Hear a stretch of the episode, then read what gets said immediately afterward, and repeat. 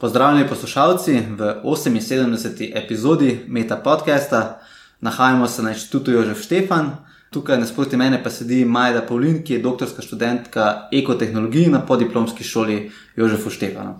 Deluješ na oddelku za okoljske znanosti. Ja, ne? odsek za znanost v okolju. Ja. Ki je razdeljen na en del, imate v reaktorju v Podgorici, a ne? Ja, drug, ja, drug, drug ja. pa tukaj. Ja, naš, naš odsek je dislociran, v bistvu glavna, no, glavna enota. Uh, večinski delež je na reaktorju, manjši delež pa je tudi na jamovino. Ampak raziskave so pa, ukvarjamo se predvsem s temi kovinami, raziskavami izpostavljenosti. Zakaj pa ravno na reaktorju? A uporabljate Ja, kakšne Je, v bistvu reaktor je. Ja, v bistvu obstaja ena metoda, k- za katero potrebujemo reaktor, ker moramo vzorce izpostaviti obsevanju. In zato, če, če ne bi bilo reaktorja, tega ne bi bilo možno. Tako je pa ta metoda je uh, zelo uporabna, ker je direktna, v bistvu uh, nam omogoča, ne rabimo pri, predpriprave vzorca, ampak samo to izpostavljamo sevanju in tisti pač aktivira se, aktivirajo se elementi in na podlagi tega potem določimo, kolikšna je vsebnost teh elementov v zelo različnih vzorcih. Kaj te je bolj v te eko, eko vode pripeljalo?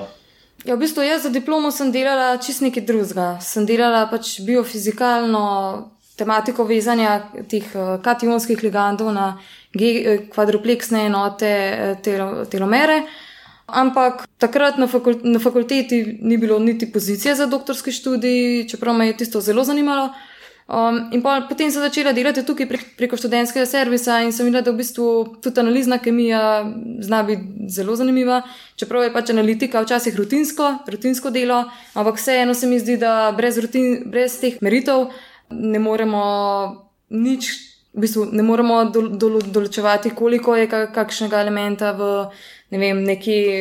In je to zelo, zelo, zelo v bistvu pomembno tudi. ne. Zdaj, ekotehnologija, to je malo tudi splet okoliščin. Pač na našem odseku se s tem ukvarjamo in po, uh, posledično sem se upisala na ekotehnologijo. Kaj natančno raziskuješ? Moje področje raziskovanja je živo srebro. Na našem odseku se ukvarjamo um, z raziskovanjem različnih kovin, oziroma zanima nas vsebnost teh kovin, od živega srebra, kadmija do svinca. Pač uh, zanima nas, koliko je teh kovin v različnih okoljskih produktih, v bioloških vzorcih. Ne vem, v morjih, v, pač v teh različnih vzorcih, zaradi tega, ker je v bistvu to zelo pomembno uh, tudi za ljudi. Ljudje smo izpostavljeni temu vse čas in moramo tudi spremljati, koliko tega gre v naše telo, in potencialno je potem to lahko tudi nevarno, oziroma ne, za kakšno bolezen. Ampak, da ne bom zdaj zašla v ta del, bom kar povedala malo več o živem srebru. V bistvu, ja, moje delo na inštitutu se je pričelo tam nekje med pisanjem diplome. Začela sem kot študentka. Eh, Sprva sem se ukvarjala samo s eh, rutinskimi zadevami, priprava vzorcev, predvsem teh bioloških vzorcev. No, potem pa sem nekako, um, me je v bistvu delovni mentor na fakulteti prepričal, oziroma prepričal, svetoval, kaj pa če bi šla delati doktorat. Pa sem rekla, pa kaj pa vem, če je to za me. Pol sem pa, ko sem začela delati na inštitutu, nekako sem pa videla, da me to zanima. In sem se pol upisala na mednarodno podiplomsko šolo Jožefa Štefana. In takrat je tudi moja mentorica, profesor dr. Milena Horvat, je rekla, na začetku je bila zastavljena neka druga tema, ampak smo potem mal vse skupaj preusmerili, ker je bivši sodelavec, zdaj je zaposlen na ESOTEHu, Velenju, je bil že v drugem oziroma drugi ali tretji letnik in je potreboval malo pomoči in je rekla, kaj pa če bi mu malo pomagala. Pa bi tole skupaj razvila nekaj. No, in takrat smo pa začeli s temi raziskavami uh, živosrebrovih spojin v različnih trdnih vzorcih. Razvili smo metodo, jo optimizirali in potem uh, skušali prilagoditi uh, na te različne vzorce in v teh vzorcih identificirati različne živosrebrove spojine. No, fokusirali smo se predvsem na uh, tež, vzorce iz teša, predvsem na vzorce sadre, ker je v bistvu bivši sodelavec tam že delal doktorat no, v ESO-tehu, kasneje so ga tudi zaposlili in je bilo tudi v interesu njihove firme in pa našega inštituta, ker smo to, te neke raziskave delali že prej, da se to malo poveže in v bistvu nek um, rezultat tega aplicirati, tudi mogoče kasneje. In potem smo sprva načrtovali, da bomo raziskovali to v premogu.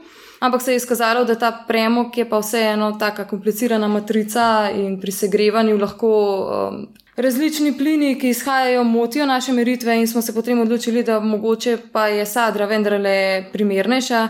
Hkrati pa je sadra tudi odpadni produkt, kurjena premoga in uh, je to raziskave tega so zelo koristne, uporabne stališča emisij oziroma sadro mi odlagamo v, na deponije oziroma v te ugreznine, kjer se koplje premog. Um, in v tej sadri, ta sadra je izpostavljena potem dežju, različnim vremenskim razmerom in se lahko živo srebro izložuje. Je pomembno, kako je živo srebro vezano v tej matrici note. Če nam mogoče samo na kratko poveš, kako recimo pridemo iz premoga do lignita in pa pač do sadre. Sadra je v bistvu končni produkt kurine premoga, bomo rekli, ampak ne kurine premoga, ampak v bistvu uh, sadra nastane v razžvepljevalni napravi. Zdaj, mi imamo najprej imamo nek kotel, kjer se ta premog kuri in tekom tega kurine premoga gredo ven uh, čez različni uh, delci, različni plini in ti plini pač uh, gredo naprej po te. No, Tekom segrevanja se seveda tudi, eh, če se segreva ta para, ker gre pa to za proizvodno elektrike, ampak to, to ni bil pač del mojega um, doktorata. Pač jaz sem se fokusirala na te emisije. No, in ta, da, mi, da ne spustimo vse v, pač v okolje, je potrebno neke čistilne naprave namestiti. Te dimni plini gredo skozi te čistilne naprave. Naprimer, imamo eh, zelo pomemben del, je zadrževalnik eh, delcev. Tam se zadrži recimo 99 vseh teh večjih delcev, 99% vseh teh večjih delcev, medtem ko grejo pa tiste najmanjše delce, gredo pa skozi. Prav tako je plini gredo skozi in potem, če želimo, da bi pa, ker je predvsej tega žveplovega dioksida, ki pa vemo, da je za in plus ostalih plinov, ki pa vemo, da je za okolje škodljivo. Uh, so, so si pa že pred leti uh, zamislili razžvepljalno napravo, tako da gredo ti plini v v razžvepljalno napravo, kamor pa se uvaja uh, kalcit, To je v bistvu taka, um, pripravi se taka raztopina in potem se to ubrizga, tako da se ti delci plina, v bistvu plin, difundira uh, v te delce in uh, neutralizira te kisle pline. Če lahko tako rečem. In potem uh, se, ta, se te, uh, to, kar, to te delci, ki nastanejo, v bistvu se posedajo na, na dno, kjer se to meša, uvaja se uh, še zrak, uh, se, uh, ker, se, ker pač zrak oksidira to in uh, nastaja sadra.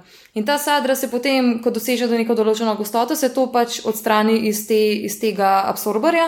Uh, sadra se pač odstrani iz tega absorberja in potem se to uh, se, ali gre na, na odlagališča. Običajno ne gre direktno na odlagališča, ampak se uh, skupaj s pepelom se zmeša in potem se to v primeru teša, se to pač daje v te ugreznine, kjer so izkopali uh, premog. Drugače je pa, je pa tako, da naprimer, ko se ta. Um, za, za absorberjem imamo mi tudi nek hidrociklon, se pravi, tam, ko, se, ko, to, uh, ko gre ta sadra, se določene gostote ven, se tam uh, je treba to vodo, ki je kar je viška vode, je treba odstraniti in dobimo neko tako goščo. Ta voda pa vsebuje tudi te najmanjše delce, ki pa, so, ki pa v bistvu imajo zelo velik delež. Uh, velike koncentracije različnih kovin. Ampak to gre v bistvu pol nazaj v, v sistem in to je nenehno kroži, kroži, kroži in se koncentrira. In zaradi tega imamo v bistvu v grobi delci praktično ne vsebujejo veliko teh, teh uh, tudi živega srebra in ostalih kovin, medtem ko pa te fini delci uh, pa vsebujejo lahko zelo, zelo visoke koncentracije živega srebra. Ti si raziskovala vsebnost teh spojin živega srebra v sadri. In recimo, če nam poveš, kako pa recimo zgleda sadra, to so tisti veliki beli kupi na odlagališču zraven teh. Um, ja, ja to so taki, taki beli kupi, ampak to, v bistvu, to, kar tam na kupih mi vidimo, je mešanica. To so fina in groba faza, sta zmešani, se pravi, te delci, ki se posedajo, oziroma plus ti fini delci. Tako da se vse skupaj, recimo tudi te, v teh finih delcih, ki je to, kjer je večja, večji delež teh kovin, se to razreči. Tako da tam imamo neko povprečje tega. In to se potem lahko uporablja nadalje za te knauf plošče, za cement, za odlitke, mal, malčne te obloge. Uh, pa če imamo različne, različne uh, namene, gre lahko, lahko pa se odlaga. Zdaj, uh, v tujini se mi zdi, da že kar precej se to reciklira oziroma uporablja za, te, za proizvodnjo, medtem ko pri nas tega še ni. Je pa tako, da zdaj v mojem delu je bilo pa tako, da jaz sem uh, sadro vzorčila iz absorberja. Plus še iz tega hidrociklona, kjer pride do te separacije, se pravi tam, kjer pride do odstranjevanja vode in se to vrača potem v sistem. Pravi, to si dela prav na termoelektrarni Šoštan. Ja, mislim, imel, imela sem enega pomočnika iz inštituta, ki, ker je ta, on je zelo izkušen na tem področju, ker je uh, že prej delal. Predvsej s Tešom, mislim, sodeloval s Tešom in on je šel tja in to vzorčil, ker je vedel, pač, ki mora vzorec vzeti. Sicer res sem imela tudi možnost, da bi enkrat šla, ampak takrat žal nisem mogla iti. Tako da sem, vem približno tako bolj po skicah ampak sem bila pa na enomesečni izmenjavi na Kitajskem, kjer sem pa to dejansko videla pač na njihovih sistemih, kjer, ki pa so zelo podobni našim. Pač odvisno je samo od zmogljivosti teh, kolikšna je zmogljivost samega bloka, drugače je pa, je pa zelo podobno. A sadro tudi, ki je v naravnem stanju, tako v naravi najdemo? Ja, sadra je uh, kalcijev sulfat, to je tudi kamnina, v bistvu se lahko tudi to. Ampak uh, zdaj, ker tak uh, naravna sadra se tudi uporablja, pač so najprej so uporabljali to sadro, ampak zdaj, ko je pa v bistvu tega stranskih produktov res zelo veliko, so pa se, bolj, so pa se, so, so se usmerili tudi v tono. Kaj pa so tiste lasnosti sadre, da je naredijo tako uporabno, recimo za mavec, pa za knav plošče, kot si sam rekla, pa v gradbeništvu? Ja, v gradbeništvu je sadra zelo koristna zaradi tega, ker je protigorivna. In se jo zaradi tega se jo zelo, zelo veliko uporablja. Tudi mislim, da so te um, uh, kritja, te za pokrivanje streh, so zdaj so se malo bolj usmerili tudi v to. Drugače je pa zaradi tega, ker je material ni drag. In je v bistvu, če, če se to reciklira in se v bistvu lahko uporabi, je to oboje stranska korist. Tako da to se mi zdi.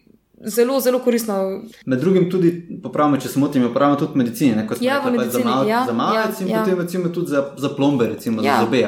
Ja, za, mislim, za plombe to mogoče ne, ne ravno toliko, ampak ja, za mavec, za mavec pa je, za mavec se uporablja. Ampak eh, jaz mislim, da še vedno največja uporaba gre pa v, te, v, gradbeno, v gradbeništvo. In kako recimo s tvojimi raziskavami pripomoreš k temu, da so ti produkti recimo manj škodljivi za okolje? Jaz mojo raziskavo, recimo, dobro, to je Tukaj moramo vedeti tudi, da je mali odvisen od uh, termoelektrane do termoelektrane, zato ker vsi ne kurijo istega premoga. Naprimer, lignit je sam po sebi vsebuje niže koncentracije živega srebra. To je ta izvelenski lignit. Velenski lignit, ja, mhm. ker te, uh, termoelektrana Šoštan uporablja velenski lignit. Uh, Medtem ko če uporabljamo pa rjavi premog oziroma antracit, črni premog, uh, Eh, pa vsebuje lahko bistveno više koncentracije živega srebra. In tam, tam pa lahko tudi um, posledično v sadri najdemo više koncentracije, ni pa nujno, ker je odvisno od same, od same uh, matrice uh, v, v premogu. Lahko se, se živo srebro zadrži tudi na pepelu, da je večji delež na pepelu. Sicer pač različno, od termoelektrarne do termoelektrarne. Uh, Uh, in ko sem preučevala tudi te kitajske sadre, je v bistvu zelo zanimivo, ker tam pa lignit, sploh ne vem, zelo malo kurijo lignit. Ampak je zelo zanimivo, ker naprimer sem imela vzorec, ki je vseboval zelo velike koncentracije v premogu, pa v bistvu v sadri je bilo pa zelo malo živega srebra. In zdaj tukaj se pa poraja vprašanje, ali je šlo to v naravo, ali ker nisem imela pa vseh, pač vse te masne bilance, da bi lahko rekla, da več se je zadržalo v sadri, več se je zadržalo v pepelu.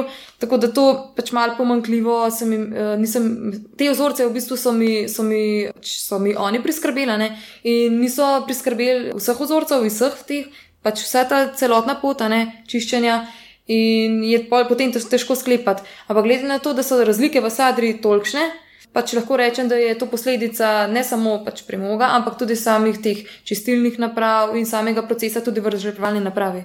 Kitajci se trudijo doseči tudi neko raven tega. Ja, na kitajskem je to kar velik problem sedaj. Tako da oni so se kar precej usmerjali v te čistilne naprave in tudi se mi zdi, da so zelo uspešni, ker tam je pa tudi tako, da um, tam je precej nelegalnih teh eh, kurišč, ja, termoelektrarn. To predstavlja kar velik problem, ampak se mi zdi, da zdaj ta uh, novejša politika se je usmerila tudi v to, tako da um, se, se trudijo, da, da, to, da, da bi izboljšali to situacijo.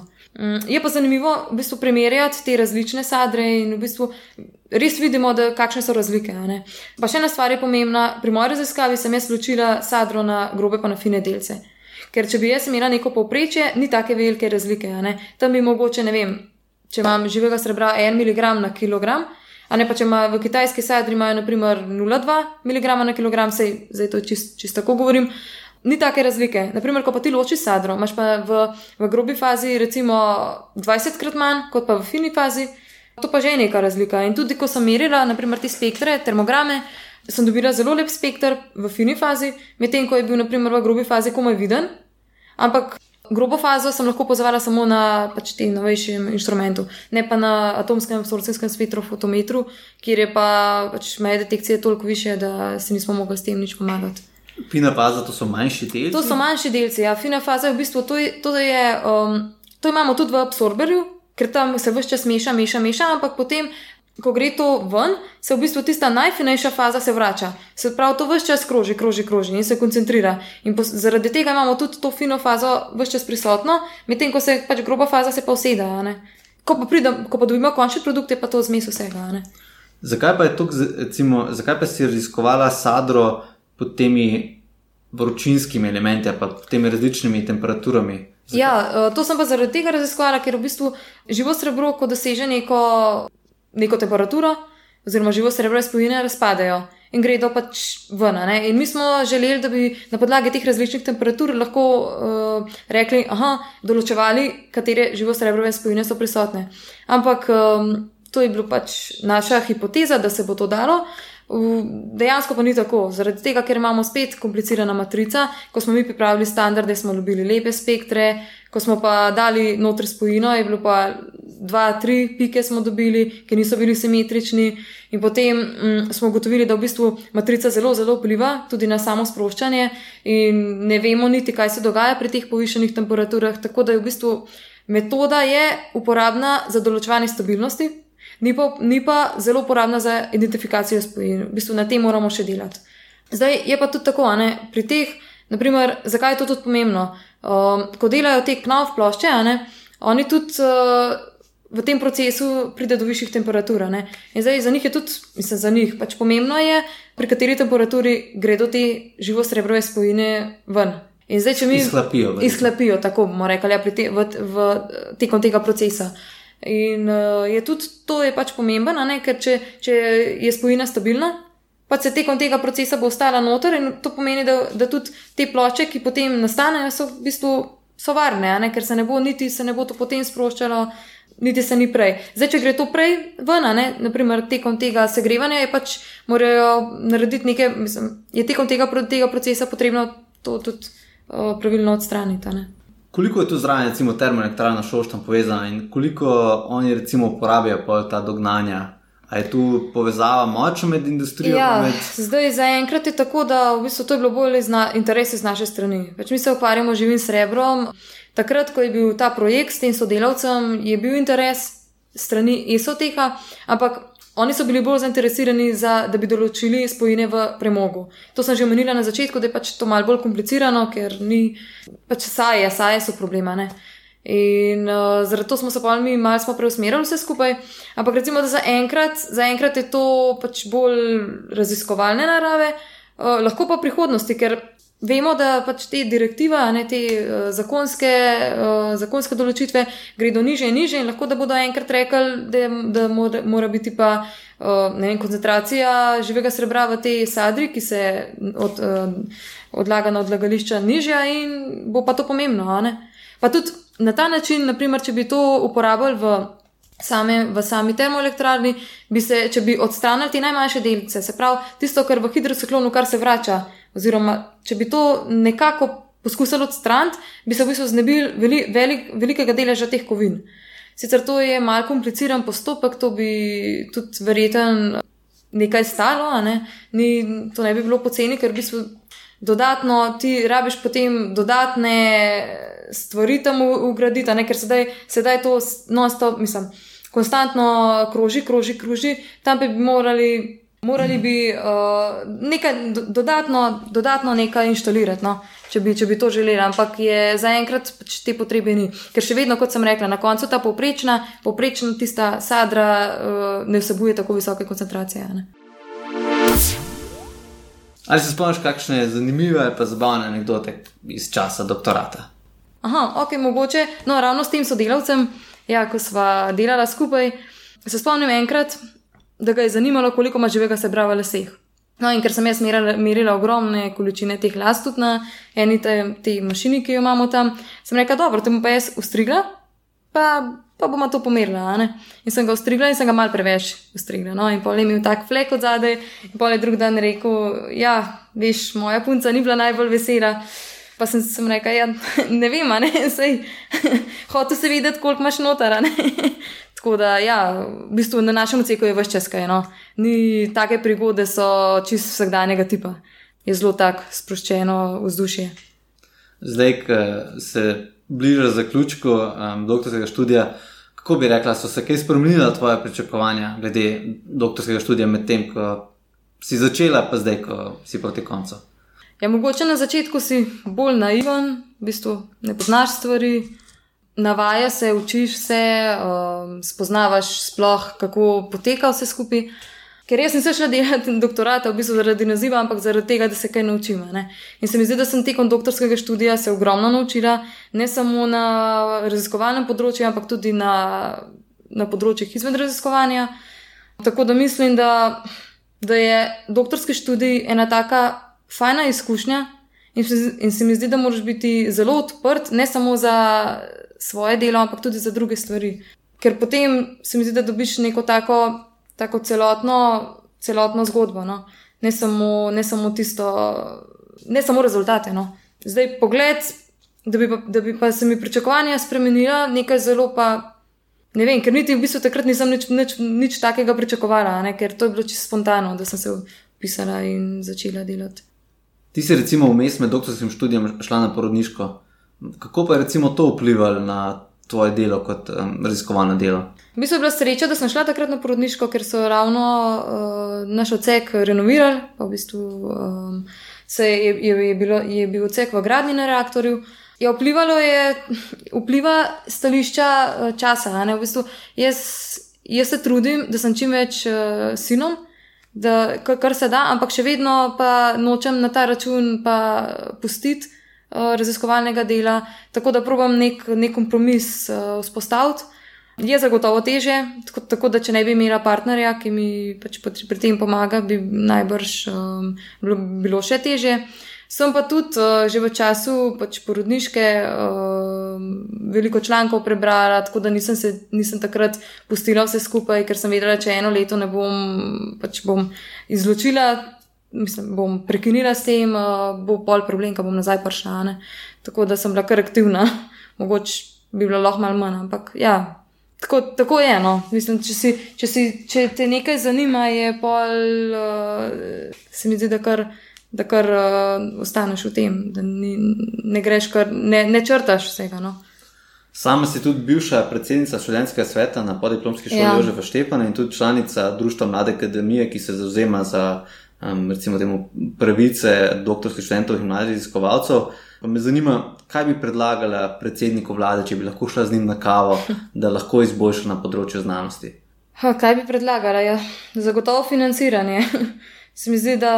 Um, Pa recimo, da mladi raziskovalci že niso tak problem, ker čeprav se jih pač zmanjšuje, uh, večji problem je, ko končaš doktorat.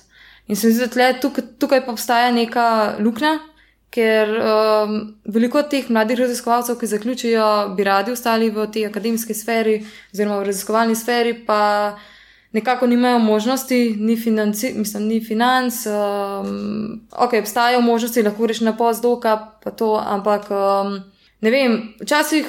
No, če, če samo sebe spostavim, včasih je to problem, ker ti, če si mati, lahko gre cela družina, ampak če tvoj partner ima neko tako službo, naprimer v Sloveniji, uh, to ni lahko. Ne? In potem se pač prilagodiš družini in mogoče to mal odložiš, oziroma ne vem, spremeniš svoje načrte, kakorkoli že. Um, tukaj bi mogoče predlagala ne vem, neko financiranje oziroma vzdrževanje uh, teh re raziskovalcev, ki bi kljub temu, da ne da ne morejo mogoče na postdoka, lahko pri nas dobili nek, neke vrste začasno zaposlitev, vse mogoče se pa s časoma izkaže, da bodo še lahko kasneje ali kakorkoli že.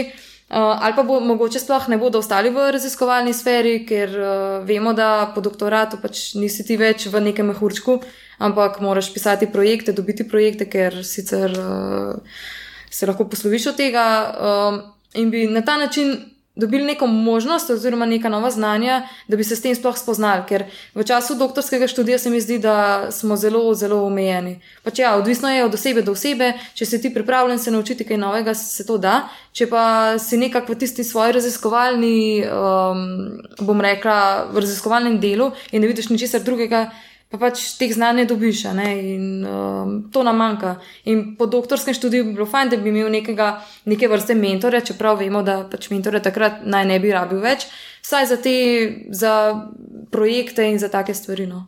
Kje pa se sama vidiš čez 5-40 let? Upam, da čez pet let, upam, da še v raziskovanju, ampak um, čez 40 let ne morem reči, ki ne vem, ne vem. V bistvu se zelo, jaz se prepustim toku, ker težko, težko je napovedati, kaj bo čez pet let, sploh v teh časih, ki so sedaj. Máš kakšen svet za ostale doktorske študente, recimo kako si lahko olajšajo ali pa bolj učinkovito preživijo svoj čas eh, med doktoratom? Mogoče prva stvar, mislim, da si olajšajo. Prva stvar, da začnejo čim prej delati na kakšnem članku, ker uh, to se mi zdi, da kar, če nimaš članka, si pa na koncu lahko kar v škripcih. Ja, drugače pa mreženje, spoznavanje novih ljudi, uh, biti odprt do novih stvari, uh, proaktivnost, se mi zdi, da je tudi zelo pomembna, ker dobiš določene izkušnje. Um, ne vem, to sem, se mi zdi, da že v, ko sem bila tudi predsednica, no, pa, oziroma sem aktivno sodelovala v študentskem svetu, sem videla, da imamo doktorski študenti nekako nek problem, da um, smo mal preveč mogoče zaprti vase. No? Ne, V bistvu tudi, ko, se, ko so neki pikniki, oziroma organiziramo določene stvari, se kar ne vzamemo se časa za to. No, čeprav se mi zdi, da je to zelo koristen, ker takrat ti spoznaš mogoče drug vidik, oziroma ko se ti pogovarjaš s kolegom, ki je čist nekega drugega področja, mogoče vidiš stvari potem drugače in to ti lahko zelo koristi pri svojem raziskovalnem delu.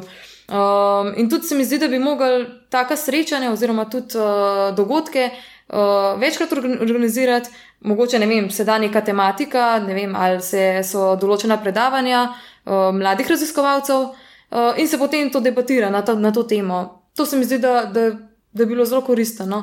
Zdaj je pa, je pa to proces. Isto kot smo, ko smo uvedli pred dvemi leti, oziroma tremi leti na mednarodni podiplomski šoli, to um, srečanje z novinarji pred samo konferenco, takrat so vsi rekli, eh, pa zakaj je to treba, pa, pa gor, pa dol, pa to, to nam je, mislim. Novinari ne vejo, zakaj se gre, ampak na koncu spoznamo, da v bistvu novinar vidi stvari drugače in ti lahko s tem zelo, zelo pomaga. No, in zato se mi zdi, da so take, take stvari, oziroma odprtost do takih zadev, zelo pomembna tekom tega doktorskega študija. Bi poslušalcem mogoče priporočila kakšno knjigo, ali pa film, ali pa ne vem, podcast, spletno stran? Mm. Knjige ne morem priporočiti, ker to bi bilo pol Grimove pravljice. Mogoče lahko priporočim. Aha, ja, znanost na cesti, spletna stran, no tam sem tudi članica. Um, tako da znanost na cesti ima zelo take fajne zadeve, te predavanja, to zelo priporočam. Pa kaj pa vem. vem jaz večkrat pogledam kakšno dokumentarno oddajo na YouTubu, ampak nimam nekega kanala, da bi zdaj rekla. Če bi lahko kogarkoli povabila na večerjo, koga bi povabila in zakaj? Mogoče Marie Curie, ne vem, zaradi tega, ker je ženska znanstvenica, ker se mi zdi, da žen, ženske so še vedno malo tako deprivilegirane v znanosti, oziroma pač vemo, da mogoče ta materinska vloga in ostale zadeve. Majda, hvala lepa. Hvala tudi tebi. Poslušali ste Meta podcast. To je oddaja, v kateri se pogovarjamo z mladimi znanstveniki in znanstvenicami z različnih področji znanosti. Podcast domuje na spletišču metinalista.si, kjer najdete tudi druge zanimive znanstvene vsebine. Naše delo lahko podprete z donacijo Metini listi. Pohvale, pripombe in predloge lahko posredujete po e-mailu znanost.afna.metinalista.si. Dobrodošli so tudi komentarji na Facebook profilu Metine liste in na Twitterju afna.metinalista, kjer uporabite hashtag metapodcast.